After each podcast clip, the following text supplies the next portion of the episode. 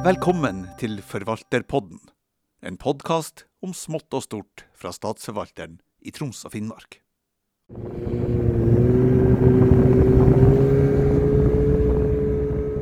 Boris Boetti, denne podkastepisoden skal handle om å bruke snøscooter til hytte.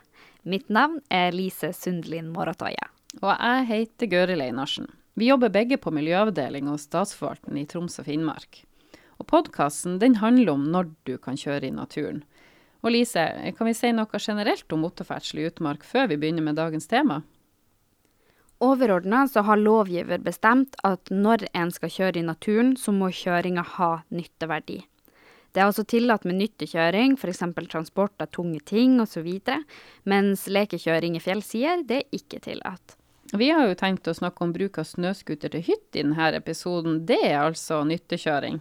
Transport av tung bagasje og utstyr til hytte, det er nyttekjøring. Ren persontransport til hytte, det er ikke regna som nyttekjøring.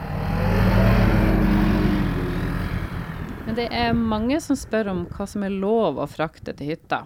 Så det du sier, er at det ikke er lov å bruke snøscooter for å frakte personer til hytte.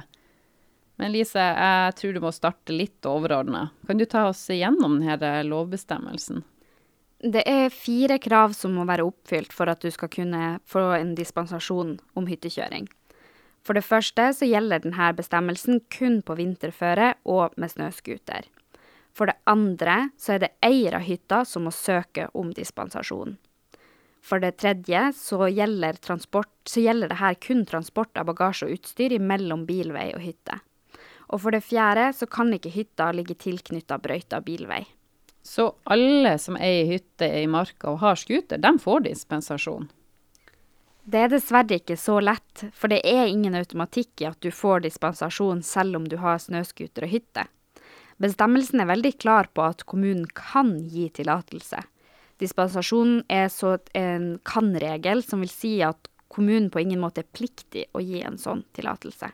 Så selv om du eier hytta og har snøscooter og har behov for å transportere masse bagasje ut i så kan kommunen si nei?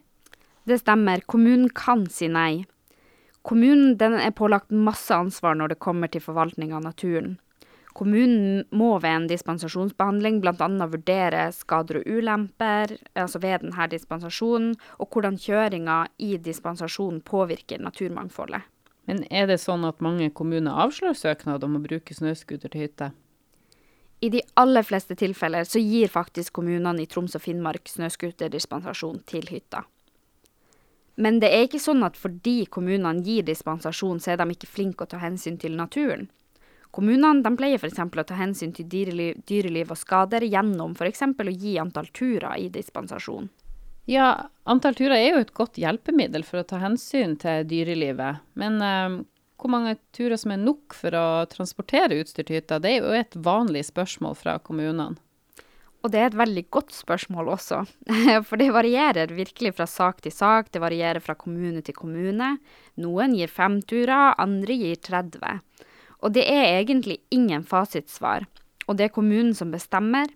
Og det eneste loven er ganske streng på, det er det at antall turer skal reguleres. Men den sier ikke noe om nøyaktig hvor mange turer. Ja, loven er jo lagt opp sånn at kommuner skal regulere kjøring, og i hvert fall der det er en mulighet for skade. Og typisk der det er vinterbeite for rein eller gode beiteforhold for elg. Det er jo også sånn at eh, de skal passe på der det er fine buskkratt for rype, eller, eller områder hvor kommunen har bestemt seg at det skal være begrensa motorferdsel. Så oppsummert så får egentlig de fleste innvilga kjøring til hytte med snøscooter, rett og slett fordi det blir regna som nyttekjøring.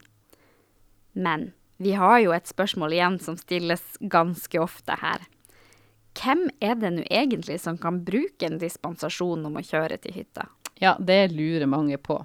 Det er faktisk veldig mange som kan benytte dispensasjon til hytteeier, så hold deg fast. Det er foreldrene til hytteeier, det er ektefelle og samboer. Det er barna og svigerbarn, og faktisk også barnebarn og hytteeier. Og dem, alle de her kan benytte samme dispensasjon som den som eier hytta og har en dispensasjon for å transportere bagasje og utstyr. Det er jo ganske mange. Så dersom min far har en dispensasjon, så kan jeg bruke den. Eh, men må pappa være sammen med meg når vi kjører, da? Ja, du kan kjøre hvis du har med deg dispensasjon til faren din, og han trenger ikke være med. Men eh, bare husk at når du kjører, så bruker du faktisk opp en av turene som far din har fått, når du frakter utstyr til hytta. Og da må du altså ha med deg det her eh, dispensasjonsdokumentet og kjøreboka. Så om jeg låner pappa sin dispensasjon og kjører opp til hytta før han, så må han gå opp på ski dersom ikke jeg kjører ned og henter han? Ja, da må han gå. Det er jo sånn at tillatelsen skal være skriftlig og skal være med under transport. Og da har jo ikke faren din med seg denne dispensasjonen.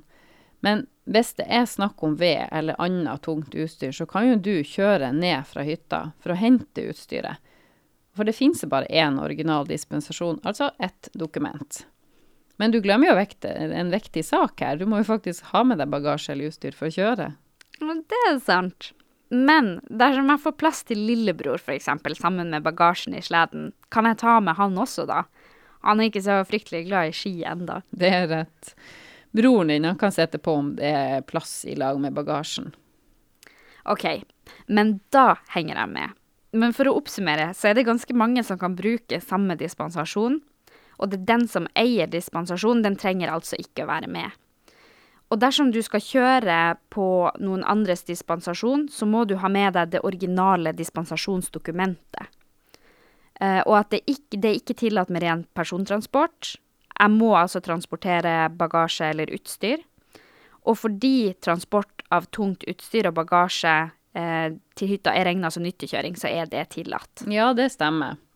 Og er det noe som er uklart eh, fortsatt om transport til hytte, så sjekk nå ut Presidensarkivet, eller se opptak om hyttekjøring på hjemmesida vår hos Statsforvalteren. Snøscootertransport til hytta det er nok den mest populære dispensasjonen i hele Norge. Og denne podkasten den er basert på ofte stilte spørsmål, så jeg håper dere som hørte på, ble litt klokere av det her.